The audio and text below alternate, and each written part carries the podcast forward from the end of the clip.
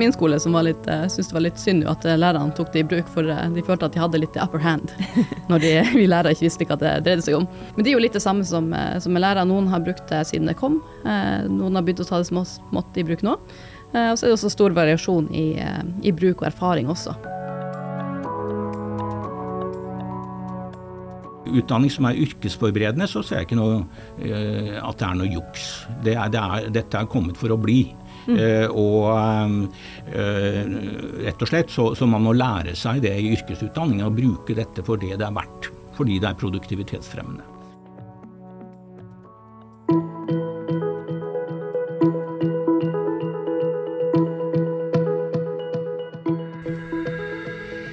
Ca. én av tre unge mellom 15 og 24 år bruker ChatGPT til skolearbeid hver uke. Ingen tvil om at språkmaskiner er et fantastisk verktøy, men lærer elevene noe av å bruke henne? Eller blir de bare bedre til å produsere tekst? I denne episoden av Læring har vi med oss en skoleelev, en ungdomsskolelærer og en skoleforsker som skal ta oss med inn i det store KI-eksperimentet i norsk skole akkurat nå. Mitt navn er Monica Bjermeland. Vi begynner med det, Abdul Hafiz. Du går i tiende på Haugenstua skole i Oslo. Når brukte du ChatGPT for aller første gang, husker du det? Jeg brukte den aller, aller første gang i januar 2023. Ganske tidlig. Ja, det var det. Hvor, eh, hvor hadde du hørt om uh, Sosiale medier. Nettopp. Og hvordan var det her første møtet? Husker jo ikke noe mer om det. Nei. Men det ga mersmak? Gjorde alt det liksom læring enklere, vil jeg si. Ja. Uh, men hvordan lærte du å bruke den? Uh, jeg lærte å bruke den gjennom å prøve. Litt eh, sånn YouTube og sånt, da. Men mest av å bare prøve den. Mm. Og hva bruker du den til nå? Nå jeg bruker det som et hjelpemiddel i læring. F.eks. Når, når vi har prøver, så bruker jeg det til liksom, et kilde å hente informasjon fra. Og så noe hvor jeg kan liksom finne hjelp og sånt. da. Mm.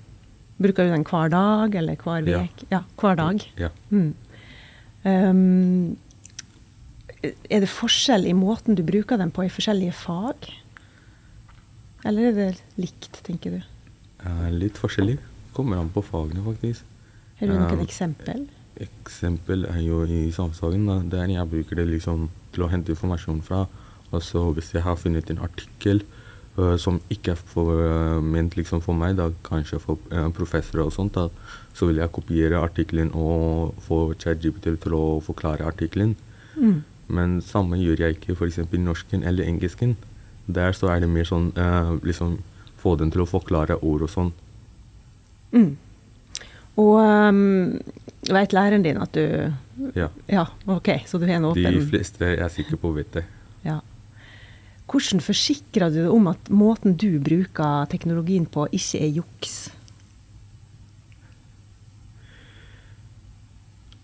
Litt usikker akkurat nå. Jeg må ja. tenke. Snakker du med læreren om det, f.eks.? Nei, eller jeg er litt usikker. Eh, det kommer an faktisk på fagene. Eh, noen fag som f.eks. samfunnsfag, da. Der så bruker jeg det som liksom til alt. Uh, hente informasjon og sånt. Og uh, på en måte uh, liksom hente informasjon, da. Fordi du sier du tar inn en artikkel og får den til å forklare artikkelen til deg i samfunnsfag. Hvordan vet du at det er riktig? da? Dobbeltsjekker du på noen måte, eller stoler du på den? Jeg stoler på den. Ja. Du må liksom kunne litt om det temaet for å liksom vurdere om eh, det ChatGPT sier er liksom viktig eller galt. Nettopp. Hvor mye tid bruker du på det, da? Um, brukte ikke nå. Uh, sikkert sånn time for å gjøre hele liksom, oppgaven ferdig. Mm. Og uh, hvordan bruker lærerne teknologien? Det er ganske få lærere i skolen min som jeg kjenner som bruker uh, ChatGPT. Og de fleste er ganske skeptiske om uh, det, om informasjonen de får og sånt. Så det er ganske få som egentlig bruker det. Hmm, og uh, de som egentlig bruker det, er, bruker det for liksom ideer, kanskje. Og ikke for å hente informasjon eller noe sånt. Mm. Og elevene? Er de mer hyppige brukere?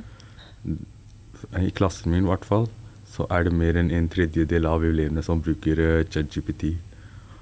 Og uh, det er liksom Lærerne vet ikke om at alle liksom bruker det.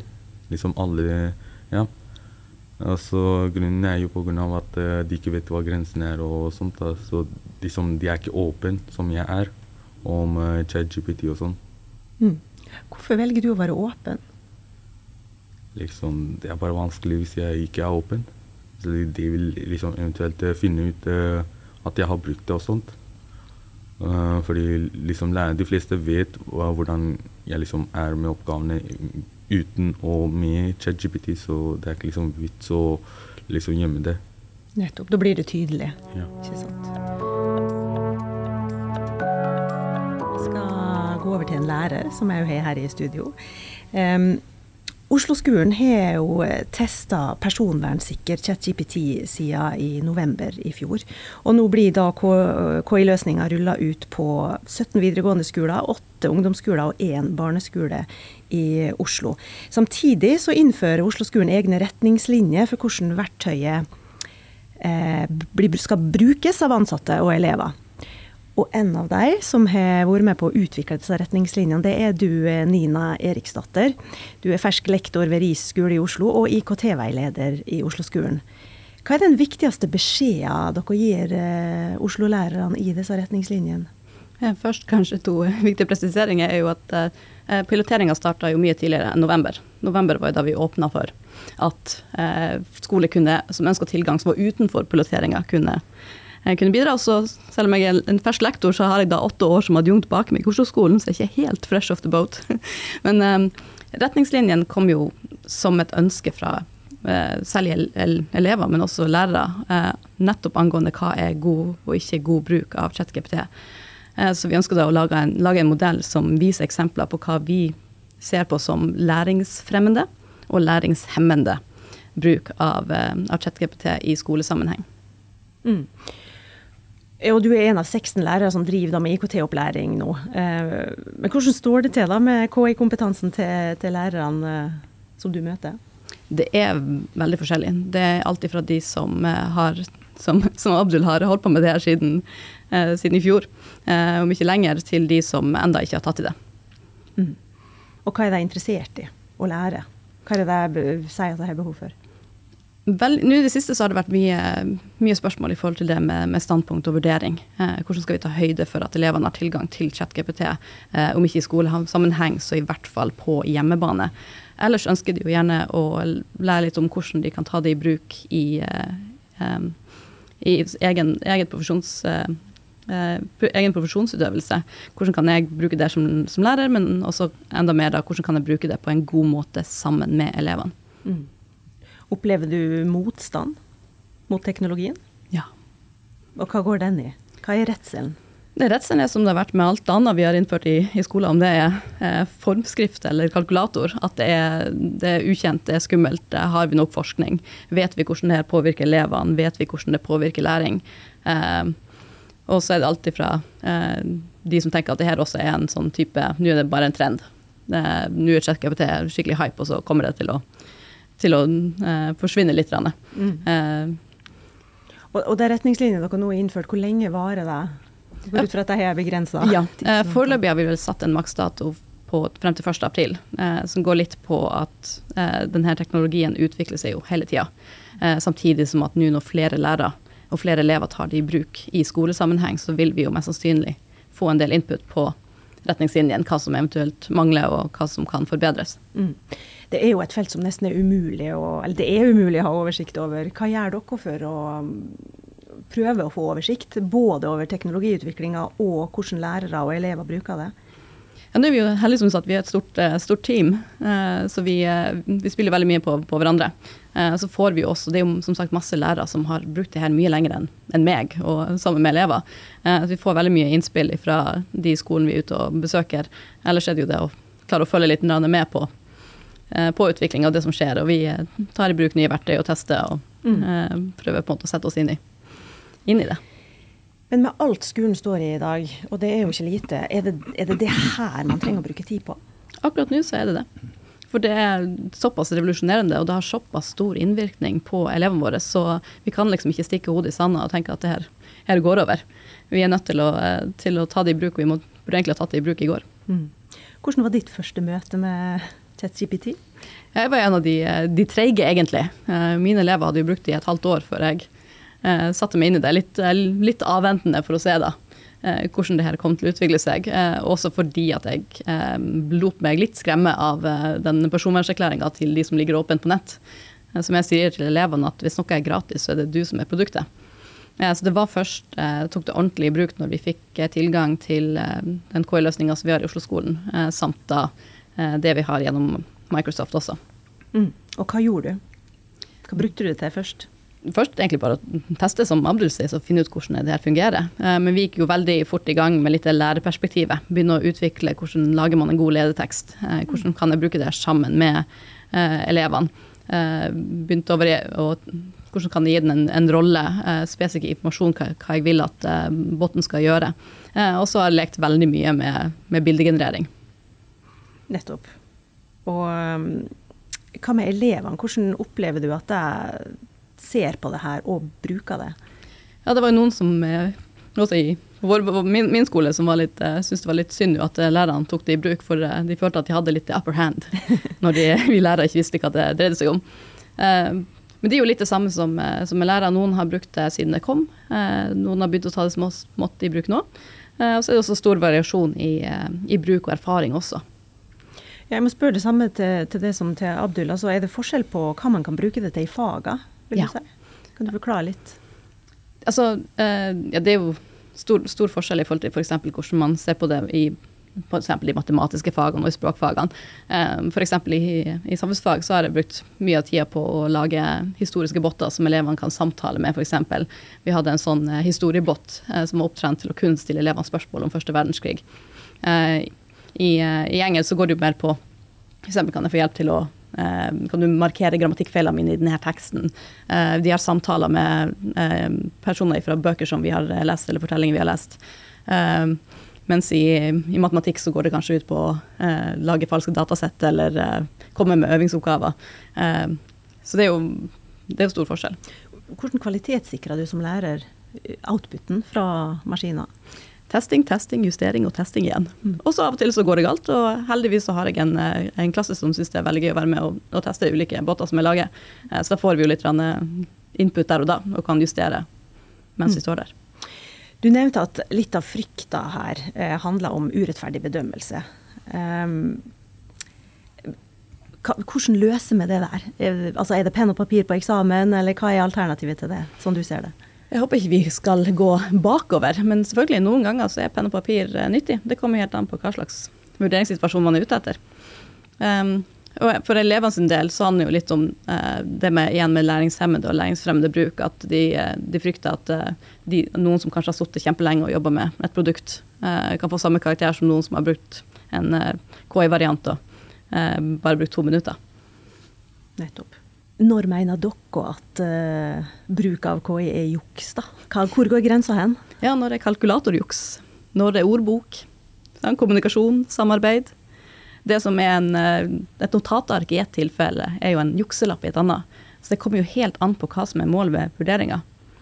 Selvfølgelig, hvis mitt mål er å vurdere elevenes evne til å skrive formelle tekster, da vil jo selvfølgelig det å bare mate inn en oppgaveskrivelse inn i ChatGPT og bruke det du får, være juks.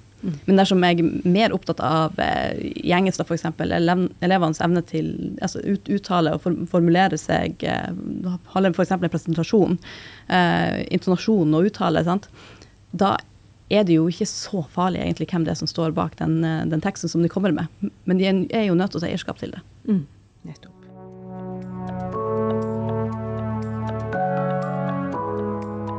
Ja, men skal vi brege oss litt videre i utdanningssystemet vårt. Eh, Eivind Elstad, du er professor ved Institutt for lærerutdanning og, og, skoleforskning. Og i fjor så ga du ut fagboka 'Læreren møter ChatGPT', som du sjøl nå uh, sier til TV 2 snart er utdatert.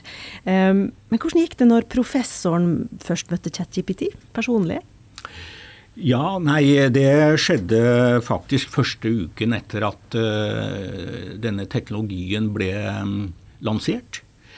Og jeg holdt på å skrive en bok, og da fant jeg ut at da måtte jeg skrive om lærerens møte med ChatGPT. Hva handler boka egentlig om? Det handler jo om noen refleksjoner eh, som knytter seg til hva slags muligheter og begrensninger som eh, denne nye teknologien gir i lærerens, eh, først og fremst lærerens verktøykasse. Eh, så jeg prøver å si noe om uh, muligheter og begrensninger i denne sammenhengen. Mm.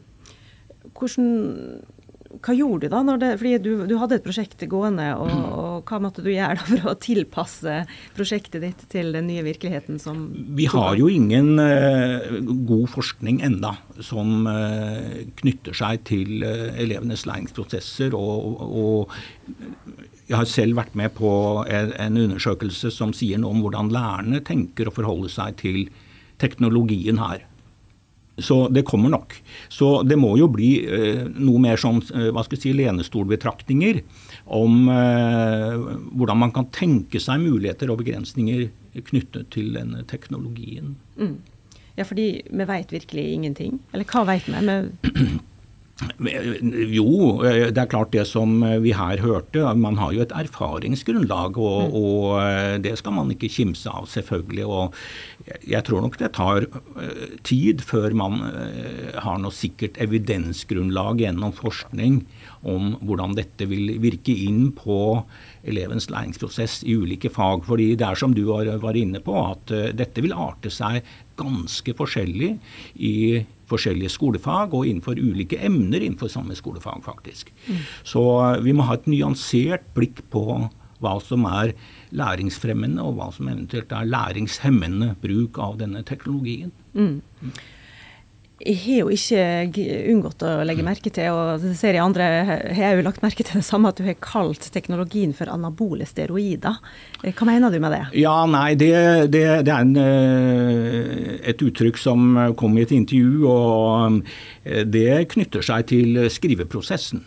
Eh, det, det, det, er jo et legemiddel som gir kunstig prestasjonsfremmelse. Mm. Og eh, det, det kan også eh, generativ kunstig intelligens gjøre med elevenes tekster. Altså det hever kvaliteten utover det eleven er i stand til på egne vegne. rett og slett. Og eh, Det kan jo for så vidt være bra dersom eleven da er kognitivt aktivt med å studere hva er det disse forslagene går ut på osv. Så, videre, så kan det være læringsfremmende. Men og eh, for yrkesutøvere da, eh, så er det helt klart at dette eh, er tidsbesparende. Det har vi forskning som gir belegg for. Og, og øker kvaliteten på hva skal si, tekstproduksjon og sikkert også bildeproduksjon, etter hva jeg vet. Det, det har jeg ikke sett noe forskning på. Men, men altså yrkesutøvere som jobber med tekst, vil jo ha stor hva skal si, glede og nytte av dette. Det er produktivitetsfremmende rett og slett i livet utenfor skolen. Og for utdanning som, eh, som eh, er yrkesutdanning, så helt klart dette hører jo med i eh, yrkesutdanningens legitimitet og, og eksistensberettigelse. Ja. Mm. Men for å stille det spørsmålet om juks, da, hvor, hvor ser du at der grensen går nå? Hva er legitim bruk og og mer spekulativ bruk? Da må jeg igjen skille mellom utdanning som er yrkesforberedende og utdanning som er studieforberedende. Og utdanning som er yrkesforberedende, så ser jeg ikke noe, uh, at det er noe juks. Det er, det er, dette er kommet for å bli. Mm. Uh, og uh, rett og slett så, så man må lære seg det i yrkesutdanningen og bruke dette for det det er verdt. Fordi det er produktivitetsfremmende. Når det gjelder studieforberedende, så er det en annen skål. Eh, du kan si eh, overgangen fra videregående opplæring til høyere utdanning, så, så har man eh, kan du si, et, et system hvor man allokerer elever, unnskyld, elever da, til ulike studier på hundredelen. Og da må det jo være rettferdig. Og Det betyr at det må jo være det som eleven er i stand til, kan du si, uten eh, kunstig eh, hjelp, kan du si. Så penn og papir, altså? Nei, altså, du, kan, du, har teknologi i dag som, som legger begrensninger på bruk av, av la oss si, internett og, og, generativ kunstig intelligens.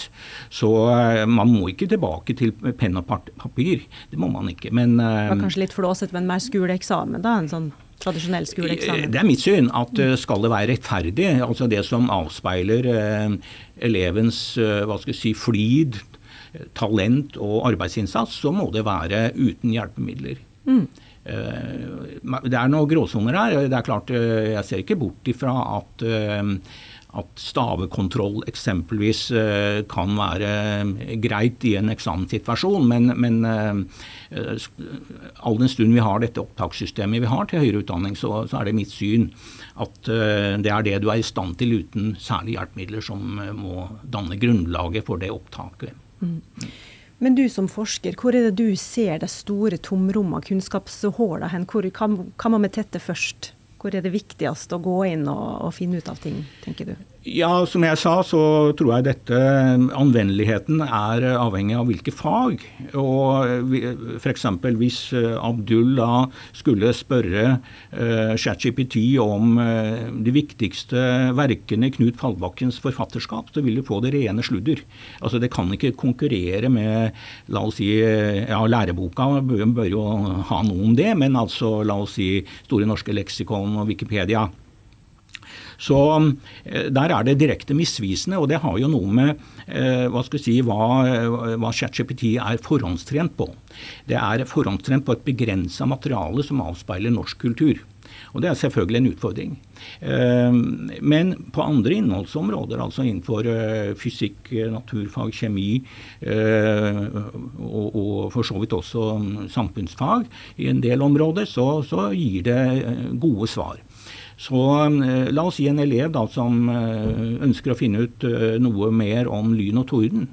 Så, så, er det ikke noen enkle tekster du finner eksempelvis på nettet som første møte, faktisk. Så, så der kan generativ kunstig intelligens være til hjelp. Forklar lyn og torden for en tiåring. Og da får du en tekst som er forbløffende god, og som treffer bedre den aldersgruppen, rett og slett. Mm. Så i så måte så har generativ kunstig intelligens en, eh, hva skal vi si, en funksjon, det innebærer en funksjonell forbedring i, i de eh, læringsressursene som omgir eleven. Mm. Ja,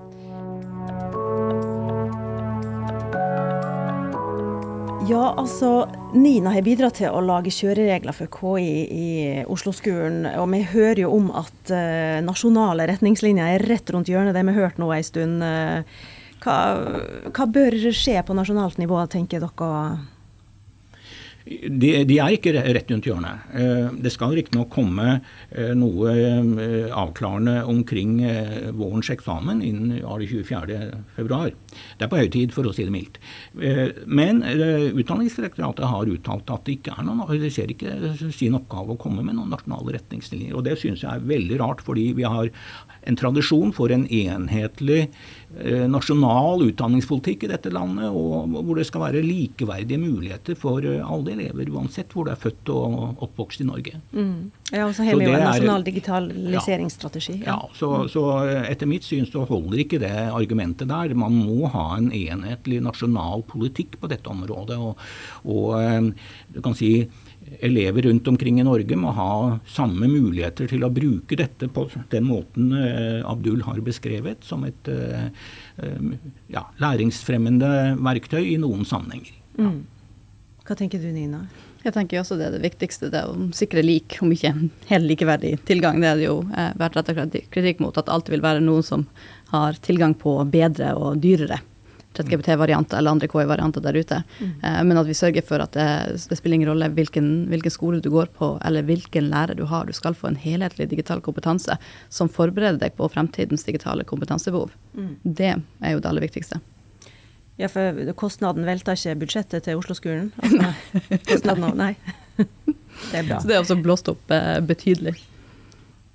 Ja, Abdul, jeg eh, vil tilbake til det litt. Eh, Føler du at du lærer mer eller mindre bra med her, denne teknologien? Er det mulig å svare på det? Jeg lærer bedre av det. Det er liksom å ha et hjelpemiddel som f.eks. du kan si du, uh, GPT er som en lærer som du har med deg 24-7. Mm. Så hvis du skal da er hjemme og skal øve til en prøve, så kan jo du ta og spørre den istedenfor liksom gå på internett og prøve å finne et svar. Så kan du bare ta og spørre ChatGPT og få et svar med en gang. Og du kan be om flere svar. Ja. altså Du kan be om å forklare på en ny måte. og Dermed så, så får du et rikere hva skal jeg si, grunnlag for å forstå et begrep, eksempelvis. Og helt fantastisk med en assistent som aldri går lei. Mm. Ikke sant. Nettopp. Og man må jo være kritisk til lærere òg, og hva svar de kommer med. På samme måte kanskje som uh, ChatGPT. Ja. Hvis du skulle gitt et råd til tiendeklasselærere i hele Norge om hvordan de bør håndtere ChatGPT i fagene sine eller i, i sin undervisning, vil du, vil du, gi deg et råd? aller først de burde ha et uh, undervisning om hvordan man skal bruke ChatGPT. Mm. Og eh, liksom forklare hva den kan bli brukt til i forskjellige fagene. Og uh, hva som menes med som er juks og ikke juks i de forskjellige fagene. Og hva som er grensen. Tydelighet fra læreren. Ja. Læreren må rett og slett demonstrere god bruk av generativ kunstig intelligens. Mm. Eh, eleven må lære seg å bruke verktøy for når, når det er, eh, fremmer læringsprosessen. Mm. Og Nina, du kan kanskje fortelle oss hva Oslo-skolen foreslår her?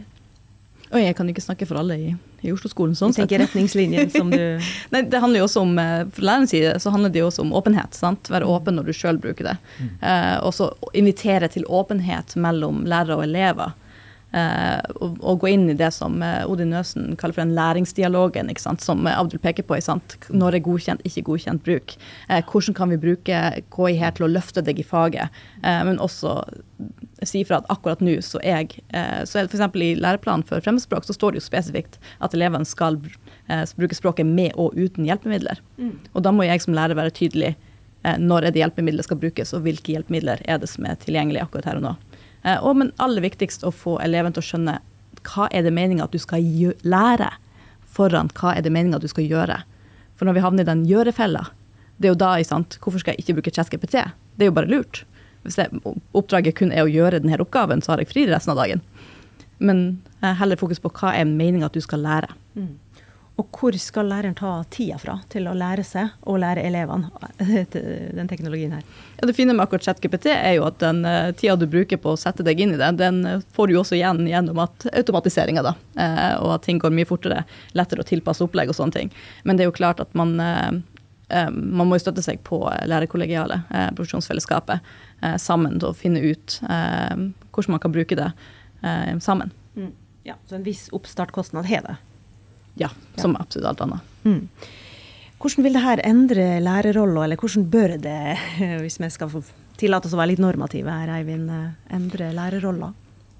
Det er vanskelig å spå om eh, framtiden, for å si sånn. Men eh, jeg tror nok at eh, dessverre, etter mitt syn, at det vil være et steg i retning av en hva skal jeg si, deprofesjonalisering av lærerrollen. I retning retning av noe mer sånn en teknisk eksekutør.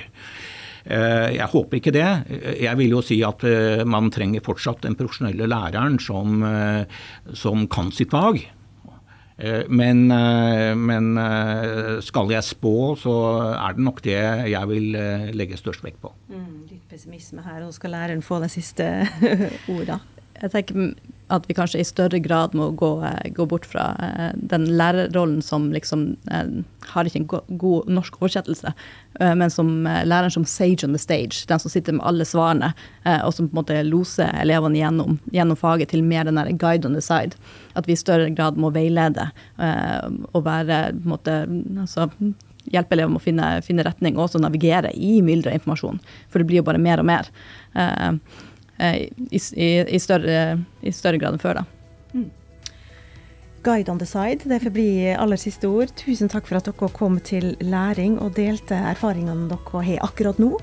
Abdul Hafiz, Nina Eriksdatter og Eivind Elstad. Du har hørt en episode av podkasten Læring som blir produsert ved Det utdanningsvitenskapelige fakultet. Researchere var Mari Bjørnsdotter Vinjar og Monica Bjermeland, og vi har ikke brukt ChatGPT for å forberede denne episoden. Teknisk produsent var Shane Colvin. Jeg heter Monica Bjermeland og takker for følget.